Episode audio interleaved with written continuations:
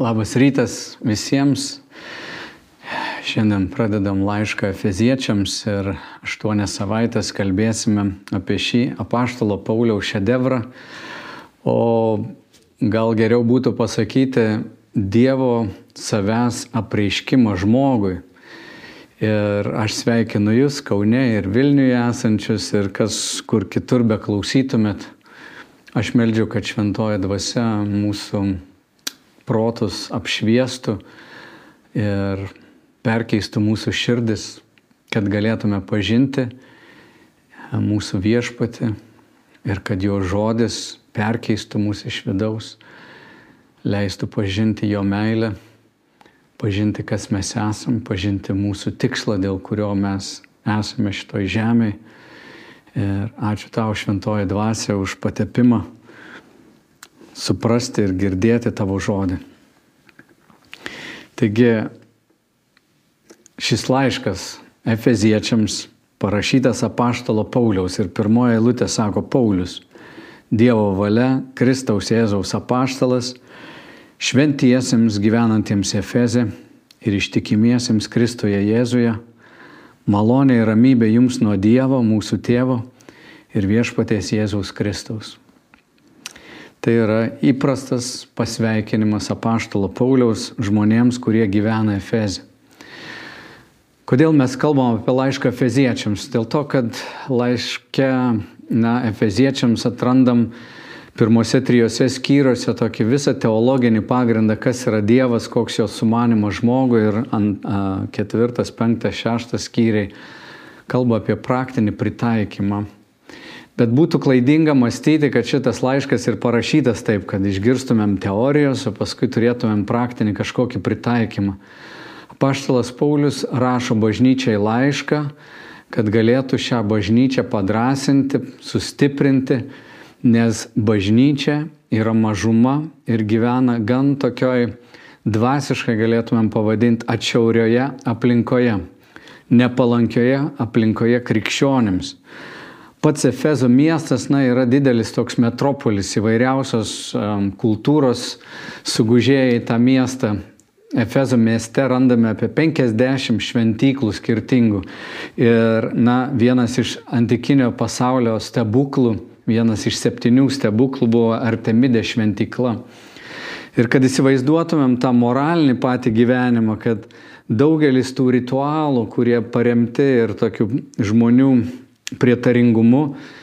Tuose šventyklose beveik visose buvo ir prostitucijos paslaugos kaip dalis ritualų. Mes galime įsivaizduoti žmonės, kurie ir baimės apimti, ir siekia turtų, ir ieško malonumo, ir žmonės, kurie na, yra į save susitelkę, naudojasi dievybėmis kaip apsauga ir palaiminimu. Ir apaštalas Paulius ateina į tokį miestą ir kalba jiems apie didįjį Dievo sumanimą. Ir šita bažnyčia, kurią Paulius praleido keletą metų, jie skaito laišką iš apaštalo, kuris šiuo metu yra įkalintas, čia yra vienas iš kalėjimo, kalėjime parašytų laiškų. Gavę šį laišką, jie turbūt visi trokšta na, suvokti tą Kristaus protą, Dievo protą. Ir apaštalas Paulius baigdamas šitą pirmąją dalį to laiško, jisai sako, jūs galite matyti iš man suteikto prieiškimo, kiek Dievas man yra atidengęs arba kiek man yra parodęs. Taigi jis rašo bendruomeniai, kuri randa save tokioje ne visai draugiškoje aplinkoje. Ir mums tai aktualu, nes gali mus mokyti būti kitokiai šiame pasaulyje. Mes esame pasaulyje, kuris irgi šiandien vakarų pasaulis darosi vis labiau ir labiau toks priešiškas kai kuriem krikščioniškiam įsitikinimam arba tai, ką mes randame na, Dievo žodėje apie prigimtinę žmogaus teisę, apie jo orumą. Ir šitie žodžiai turėtų mums būti padrasinimu. Taigi, pasveikinimas, autorystė labai aiškiai, paštalas Paulius čia rašo. Ir toliau jis tęsė nuo trečios eilutės, kalbėdamas apie Dievo išrinkimą žmonių. Trečia eilutė garbė Dievui, mūsų viešpatės Jėzaus Kristaus tėvui, kuris palaimino mus Kristuje visokiojopą dvasinę palaimą danguje, mus išsirinkdamas jame prieš pasaulio sukūrimą, kad būtume šventi ir nesutepti jo akivaizdoje. Taškas. Tarp kitko, šiandien pakalbėsiu apie nuo, tre, nuo pirmos iki keturioliktos eilutės, bet nuo trečios iki keturioliktos eilutės originaliam tekste yra vienas ilgas sakinys. Paulius atrodo pasileido išsakyti visą tai, ką Dievas jam apreiškė vienu sakiniu, be jokių kablelių ar taškelių. Lietuvių kalboje mes turim sutrumpinimus ir aš šitose atkarpose noriu truputėlį sustoti.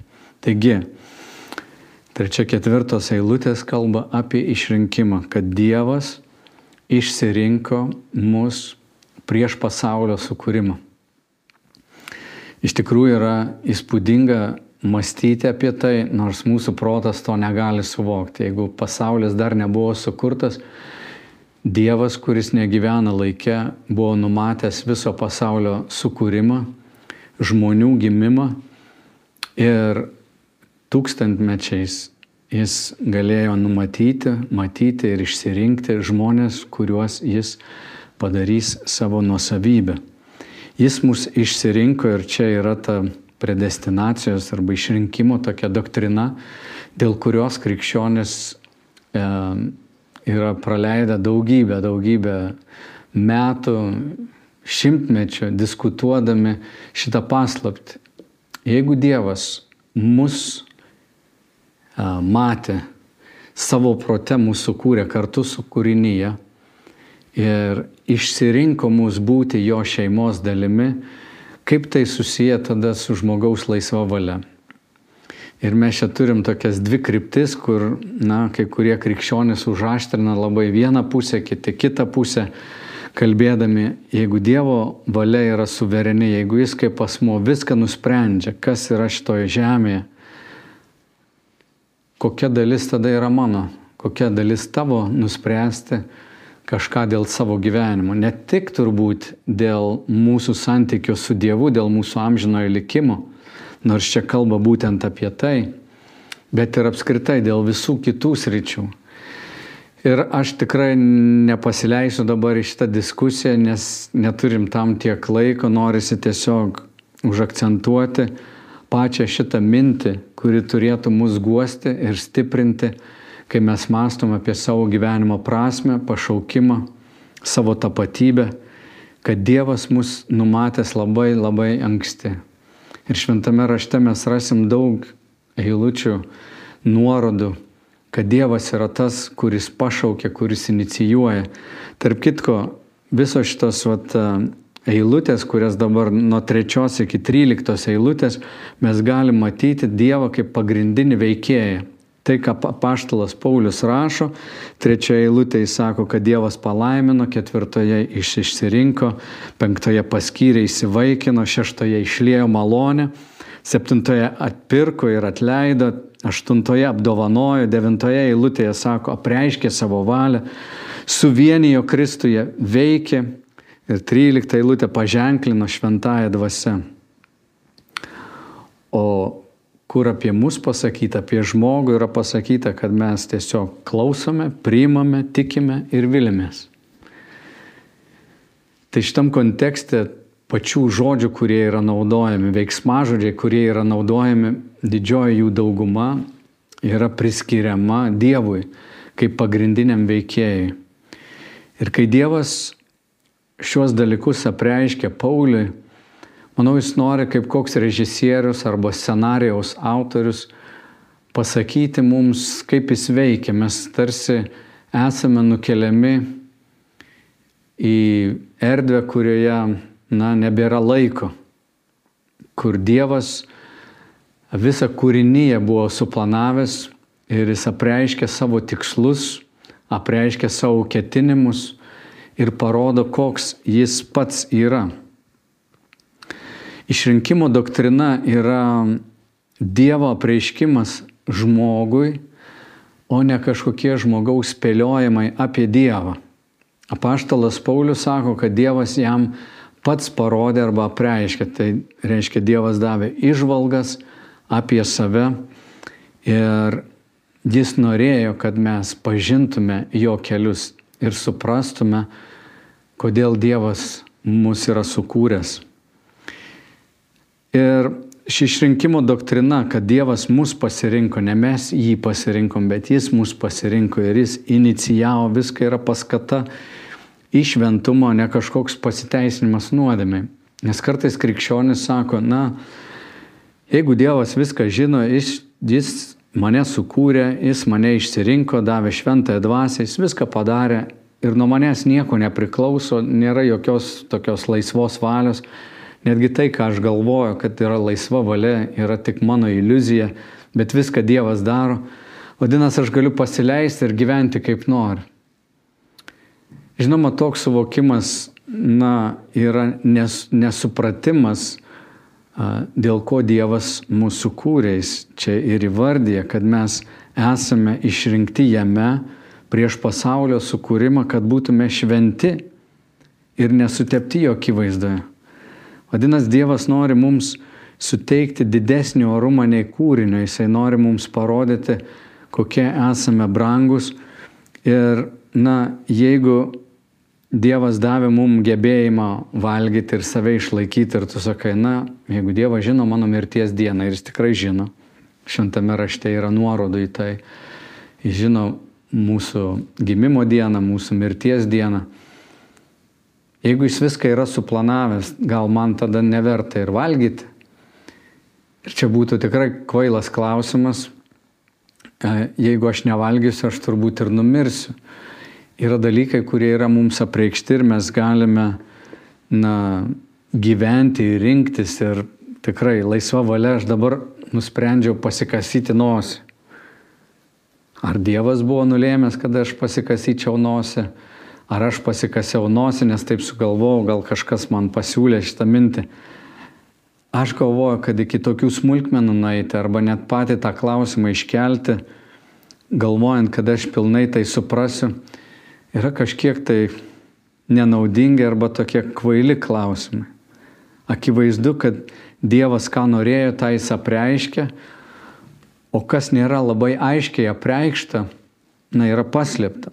Pakartoto įstatymo knygoje, kai jisai kreipėsi į savo tautą, ten yra pasakyta 28 eilutė 29 skyriaus, dar paslėpti dalykai priklauso viešpačiui, mūsų Dievui bet apreikšti dalykai yra amžinai mums ir mūsų vaikams, kad laikytumėmės visų šio mokymo žodžių.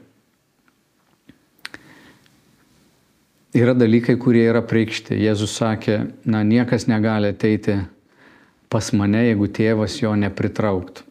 Irgi atrodytų tikrai šitą eilutę pabrėžia Dievo išrinkimą, kad Dievas duoda tą potraukį, ėjimą tarsi skrandžiui duoda gebėjimą jausti, kad jam reikalingas yra maistas.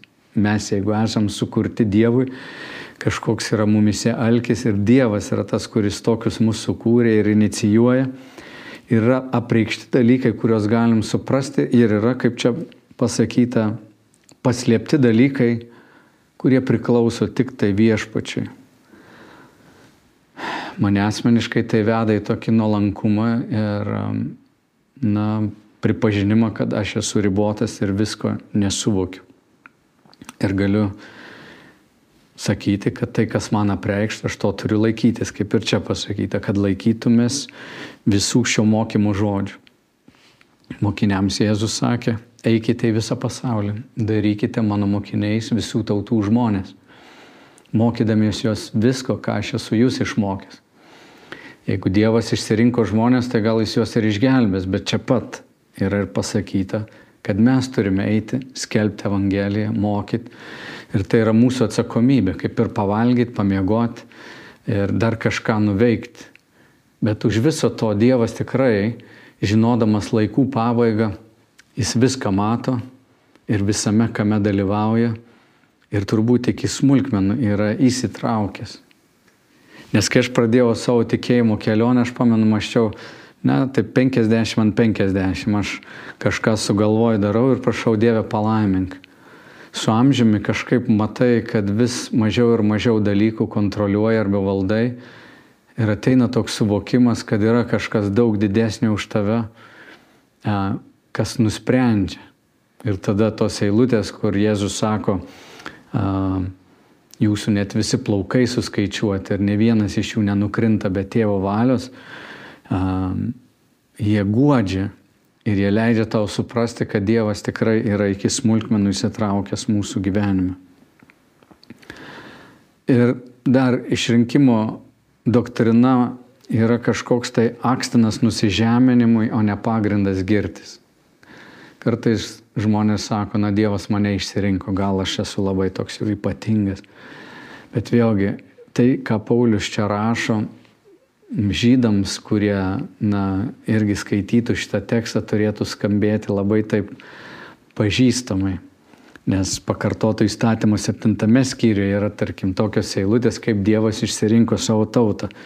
Čia pasakyta, ne dėl to, kad būtumėte buvę geresni už bet kokią kitą tautą, viešpats pamilo jūs ir išsirinko.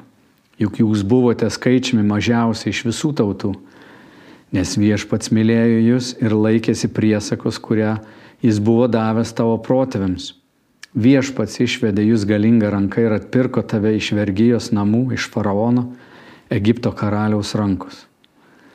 Pakartoto įstatymo devintam skyriui šeštoji lūtė sako, žinok tad, kad viešpats tavo Dievas duoda tau šį kraštą paveldėti ne dėl tavo teisumo, nes esi kietas sprandė tauta.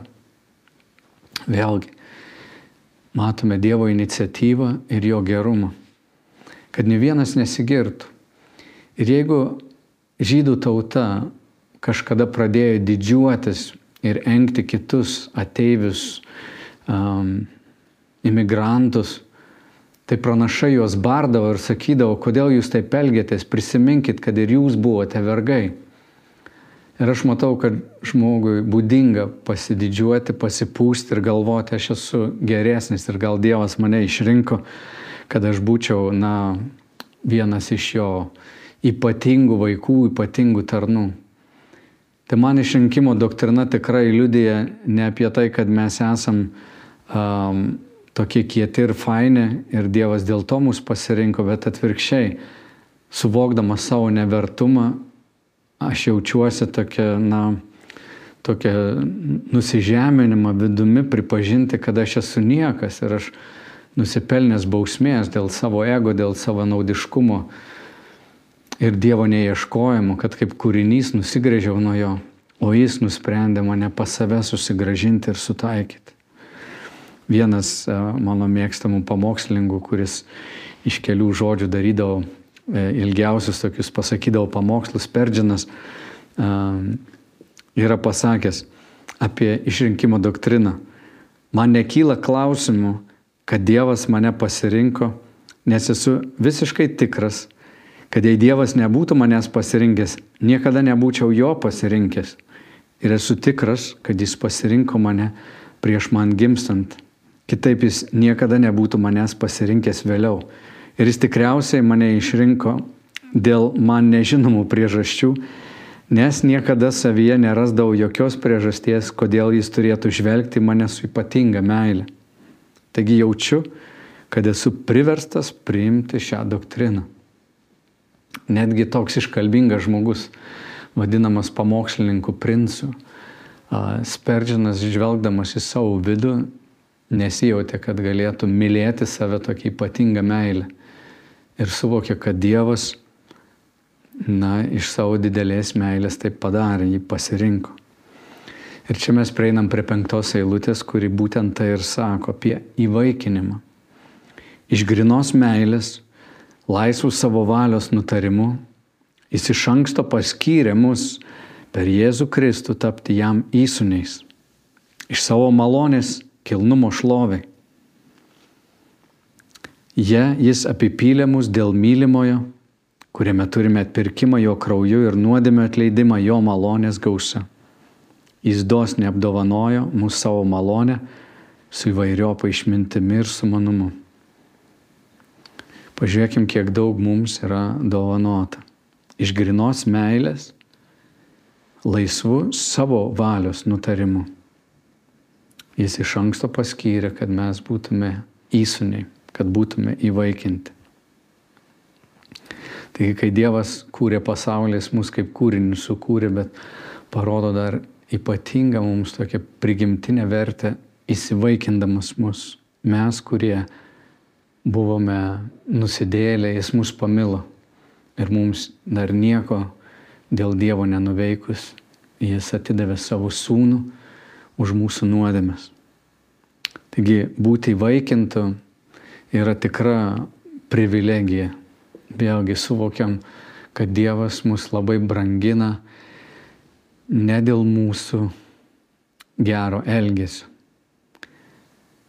Tam tikra prasme Evangelijos žinia, jis sunaikina tokią nusipelnimo sistemą, malonę, rodo, kad Dievas savo laisvų valios nutarimu jis pamilo ir jis nusprendė mus pasimti pas save.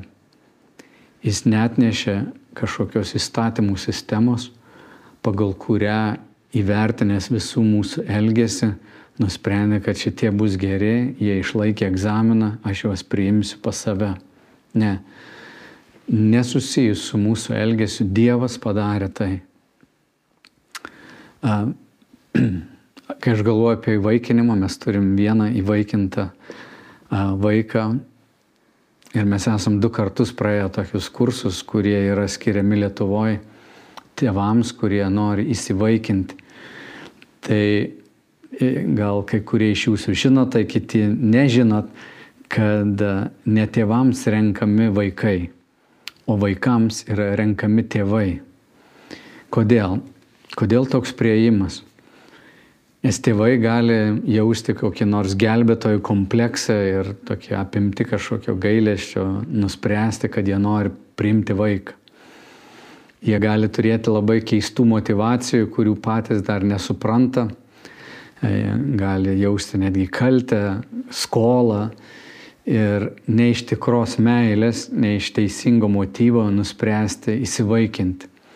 Kai mes paėmėm globoti tris mergaitės, e, tikrai nedarėm to sprendimo galvodami, kad vat, jos tai tikrai nusipelnė, jos yra fainos ir mes taip padarysim kažką dėl jų. E, buvo sprendimas tiesiog, kad kažkam yra blogai ir mes norim na, sukurti erdvę, bet nevertinam visiškai jų elgesių. Kai įsivaikinam motiejų, lygiai taip pat žinojom, kad atvirkščiai galbūt jis niekada mumis nepasirūpins, niekada net neš mums didelės naudos. Atvirkščiai tai labai turbūt nemažai mums kainuos. E, bet pats prieimas yra koks, kad yra vaikas ir jam yra ieškomi tėvai. Tėvai, kurie galbūt be kažkokių keistų motyvų, savo laisvos valios nutarimu darytų vieną pasirinkimą. Aš noriu kad to vaiko gyvenimas būtų geresnis. Aš noriu suteikti jam viską, ko jam reikia. Ir visai nėra na, motyvas uždengti savo kažkokių tai klaidų, išpirkti kaltę ar padengti skolą. Teisingas motyvas ir, na, kai sakau teisingas motyvas, gal nėra kažkokio teisingo motyvo, ne visai tai, visada tai yra racionalūs pasirinkimai, bet bent ta intencija jinai įvaikinimu turi būti, kad aš turiu kažko daugiau ir aš galiu padėti. Tai yra mano sprendimas. Jis negali būti kaip atliekamas kaip mainai. Manau, kad tai neteisinga. Ir kai Dievas mūsų įsivaikina, aš nemanau, kad jis sakė, jūs man atsilyginsit, jūs padarysit mano gyvenimą vertingesniu. Jis esantis pilnai savim patenkintas ir tobulas, nestokoja nieko, kas pagerintų jo gyvenimą.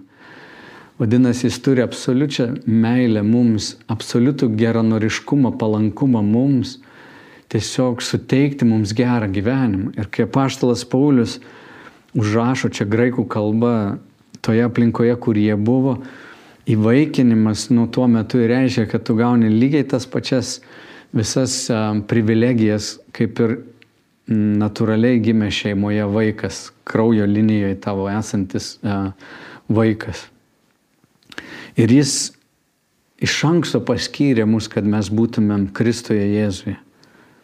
Jo malonės kilnumo šlovė. Ir jis tą malonę, sako, mus apipylė dėl mylimojo, kuriame turime atpirkimą jo krauju per Kristaus auką ant kryžiaus. Turim nuodėmę atleidimą, malonės gausą. Vadinasi, mes turim atpirkimą ir čia naudojamas tas žodis, kai vergai išperkami iš turgaus, iš vergų turgaus. Ir ne tik, kad mes esam išpirkti į laisvę, bet mums dar suteikiamas įsunystės teisės. Taigi būti vaikintų yra privilegija, na ir būti vaikintų yra ir, ir, ir pareiga, kad jie į jo šeimą mes esam ir įpareigoti gyventi, at, na, kad neštumėm garbę tai šeimai į kurią mes atėjome.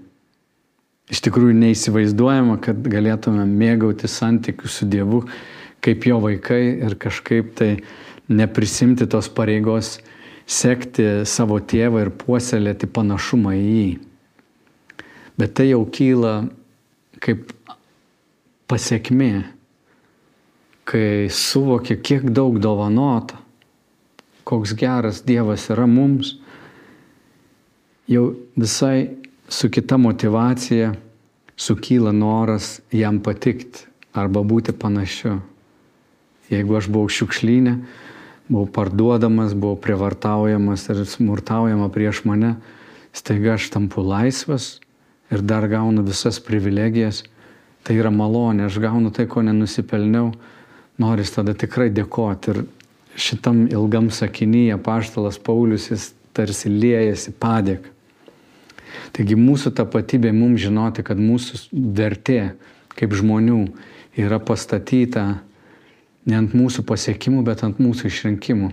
Ypač jauniems žmonėms sakau, įsivaizduok, kad tavo vertė yra nustatyta amžinybėje, dar prieš tau kažką pasiekus, kol neturėjai dar sekėjų, kol tavęs ten negerbė ir, ir tu neuždirbai milijonų. Tavo vertė nepriklausomai nuo viso, kas įvyks tavo gyvenime, ar gera, ar bloga, tu esi mylimas, išrinktas ir Dievo globojamas. Ir iš to kyla tada noras būti panašiu į tėvą, neliūdinti tėvų. Toliau 90 eilutės kalba apie Dievo troškimą visą suvienyti. Paskelbdamas mums savo valios paslapti, kaip jis panorėjo iš anksto nutarti jame, amžių pilnatvė atėjus, visą, kas yra danguje ir žemėje, iš naujo suvienyti Kristuje, tartum galvoje. Esame kalbėję bažnyčio apie žodį šalom, kas yra atstatymas. Daryti tai, ką reiškia atstatyti tai, kas atskirta. Šiandien pasaulis atskirta, žmonės atskirti nuo Dievo dėl savo gyvenimo, žydai atskirti nuo pagonių Ir čia sako, Kristuje Dievas nusprendė suvienyti ir pagonis, ir, ir žydus. Visas tautas Kristuje. Visą suvienyti, kas yra danguje ir žemėje. Netgi tie, kurie prieš mus gyveno ir išėjo, būtų vienas su mumis gyvenančiais dabar žemėje. Dievo intencija visada yra atnešti vienybę ir Kristuje apjuosti mus visus savo meilę. Ką tai mums reiškia kaip bažnyčiai? Jeigu tik tai atpažįstam, kad mes jau pasipūtę ir didžiuojamės prie žmonės, kurie netikintis ar iš kitų tautų, arba iš kitos bažnyčios, kitokios denominacijos ir mes norim iškelti savo vertę, gal pažeminti kitą, kritikuoti ir sakyti, jie kitokie. Turėtumėm prisiminti, kad Dievas visus nori žmonės apjuosti savo meilę. Ir tai turėtų mums veikti kaip toks perspėjimas, kai tik tais pradedam puikuotis, didžiuotis, per daug save sureikšminti arba girtis, arba jaučiam abejingumą, atmetimą kitiem vargšam, neišsilavinusim kokiem grubiem žmonėm. Turėtum grįžti prie to, kad Dievas išsirinko mus ne dėl to, kad mes fainesni, bet Dievas lygiai taip pat myli tuos, kurie yra šalia kurie mums yra nepatogus, kurie galbūt net su mumis kovoja. Šiandien gyvenam tokioje aplinkoje, kurioje yra skaldoma, klyjojamos etiketės. Aš už tą tautą, aš prieš tą tautą. Bet Dievas nusprendė visus suvienyti. Karas, susiskaldimai yra šetono darbai, yra žmogiškos išminties pasiekmė. Žmonės, ieškodami naudos, gali pavergti ir tautas išnaudoti mažesnius. Šiandien mes tą matom, patys būdami Lietuvoje, jaučiam grėsmės, kad ir mus kažkada gali, kaip ir anksčiau, ateiti ir sutrypti. Visa tai yra na, žemiška, žmogiška, demoniška. Bet ką Dievas daro, jis neša taiką. Ir mes esam pašaukti būti taikos nešėjai.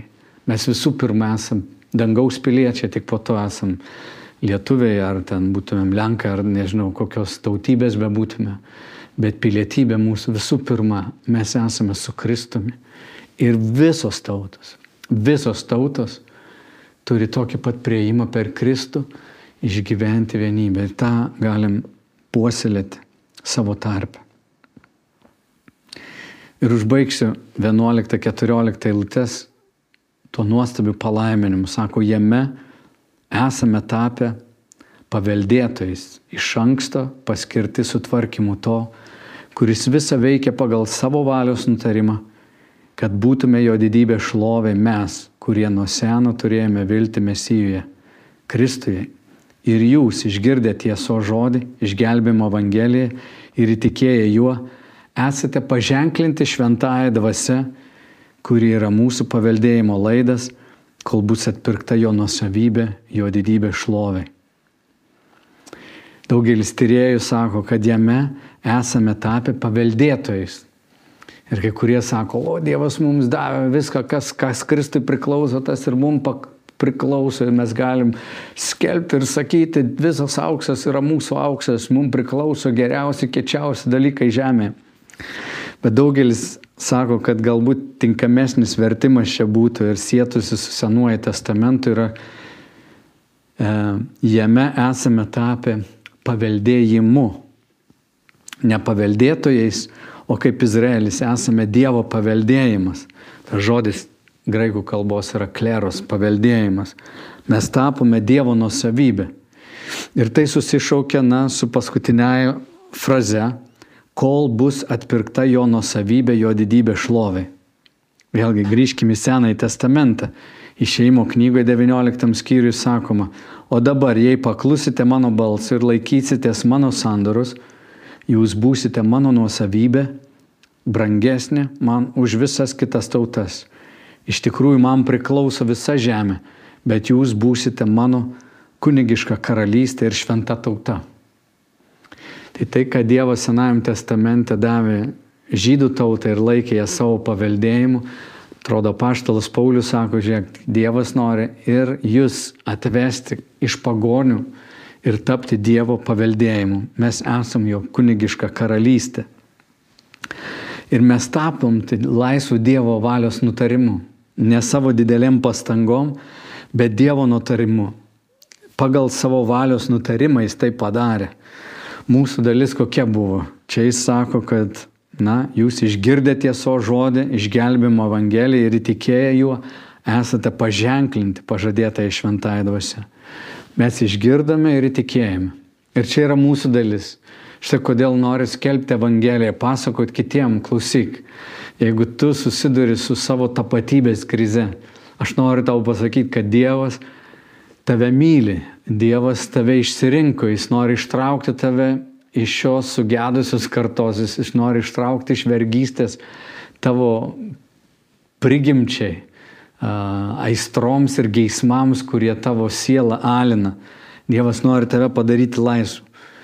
Tai yra Dievo išrinkimas, bet mes esam tie, kurie skelbėme, kad kažkas galėtų išgirsti ir įtikėti. Taip su mumis atsitiko. Todėl niekas ten nesako, kad nereikia skelbti Evangelijos, sakydamas, kad ką nori Dievas, tą išgelbės. Ne, jis naudoja Evangelijos skelbimą išgelbimui. Ir šiekį Dievas pažadėjo atsiųsti šventąją dvasę. Čia apaštalas sako, jis ją atsiuntė ir jie užanspaudavo mus.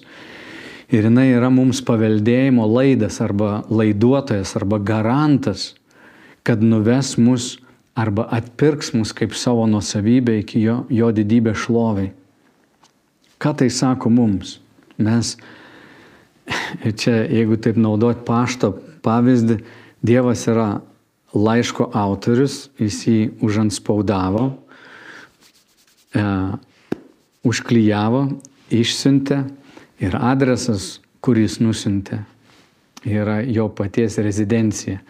Dievas siuntė šventąją dvasę, jis tai yra mūsų garantas ir niekas negali atplėšti to laiško, nes jis yra užanspauduotas, duotas kaip garantas atpirkimo dieną, kurią pats Dievas atplėš. Mane tai labai guodžia. Aš suprantu, kad aš turiu savo dalį atsiliepti Dievo kvietimus, bet mane guodžia ir tai, kad Dievas numatė mane, kad Dievas nusprendė duoti šventąją dvasę, kuri bus mano mokytojas, mano palidėtojas. Ir galiausiai tai yra ir garantas, ir, ir įrodymas, kad Jis mane nuves iki tos pažadėtos dienos, kai aš išeisiu iš šitos žemės, aš nueisiu pas Dievą. Šventoji dvasia man tai liudija, kad aš esu jo vaikas. Šventoji dvasia kiekvienam, kuris tiki, paliudys, suteiks ramybę, tą vidinį užtikrintumą. Ir tie žodžiai, kai Jėzus sako, niekas negali jūsų išplėšti iš mano rankų, mane labai guodžia. Ir čia paštalas Paulius apreiškia tą Dievo paslaptį. Aš siunčiu savo šventąją dvasę, duodu jums savo dovaną. Tai yra laidas, laiduotojas, garantas. Žinot, kas yra garantas, kai tu atneši kažką, sakai, žiūrėk, paimk va šitą dalį pinigų, aš tau noriu pasakyti, kad aš pirksiu tą daiktą. Arba a, aš atiduodu kažką brangaus ir noriu atlikti tau kažkokią paslaugą, aš, aš, aš duodu kažką, kas garantuoja, kad aš įvykdysiu savo pažadą. Tai ką Dievas duoda? Jis nedaiktą duoda, jis pats save dovanoja. Čia mes skaitom, kad tėvas nusprendė Jėzui Kristuje sutaikyti, o šventoji dvasia yra tai, kas atlieka, atrodo, visą šitą misiją. Mes skaitom trejybę, tėvas, nu šventoji dvasia. Ir kai Dievas duoda garantiją, jisai mums save dovanoja, savo šventąją dvasę išliejant mūsų, kad mes būtume godžiami. Mes tapom jo nusavybė, mes priklausom jam ir visą tai, ką perskaitėm, na, rodo, koks brangus viešpats yra ir koks saugus mūsų gyvenimas jame. Ir va ta malonė, tie palaiminimai turėtų mūsų širdis taip pat palaiduoti nuo to, ką mes matom aplinkui. Koks tai didžiulis kontrastas tarp pasaulio vertybių, kur žmogus yra visako centras, vykdo savo valios nutarimus ir turi tą nenumaldomą norą siekti šlovės ir pripažinimo. Mes galim užsikrėsti to iš pasaulio, tapti žymybėmis, valdyti, kontroliuoti, užsidirbti. O čia mes esam jo nuosavybė ir mums duotas amžinas gyvenimas. Aš viliuosi, kad šitas praskleidimas Dievo minčių apie mus, apie jo amžinai planą, sukuria mumise dėkingumą. Ir tėve, Dėkojame tau, kad esame pamilti, išrinkti, atpirkti, kad mums atleistos nuodėmės. Tu numatėjai prieš pasaulio sukūrimą, kad mes ir suklupsim ir paruošiai planą mus atpirkti. Dėkojom tau už tavo šventąją dvasę, kurią esame užanspauduoti. Ir kad šventoji dvasia duoda mums dovanų, kad Kristaus kūnas, bažnyčia būtų ugdomi. Ir kad turim tokį garantą, per kurį žinome viešpatie, kad tu mus pasimsi pas save. Te būna palaiminta tavo bažnyčia, visuotinė bažnyčia visame pasaulyje. Ir te būna vienybė Kristuje, Jėzuje tarp mūsų. Amen.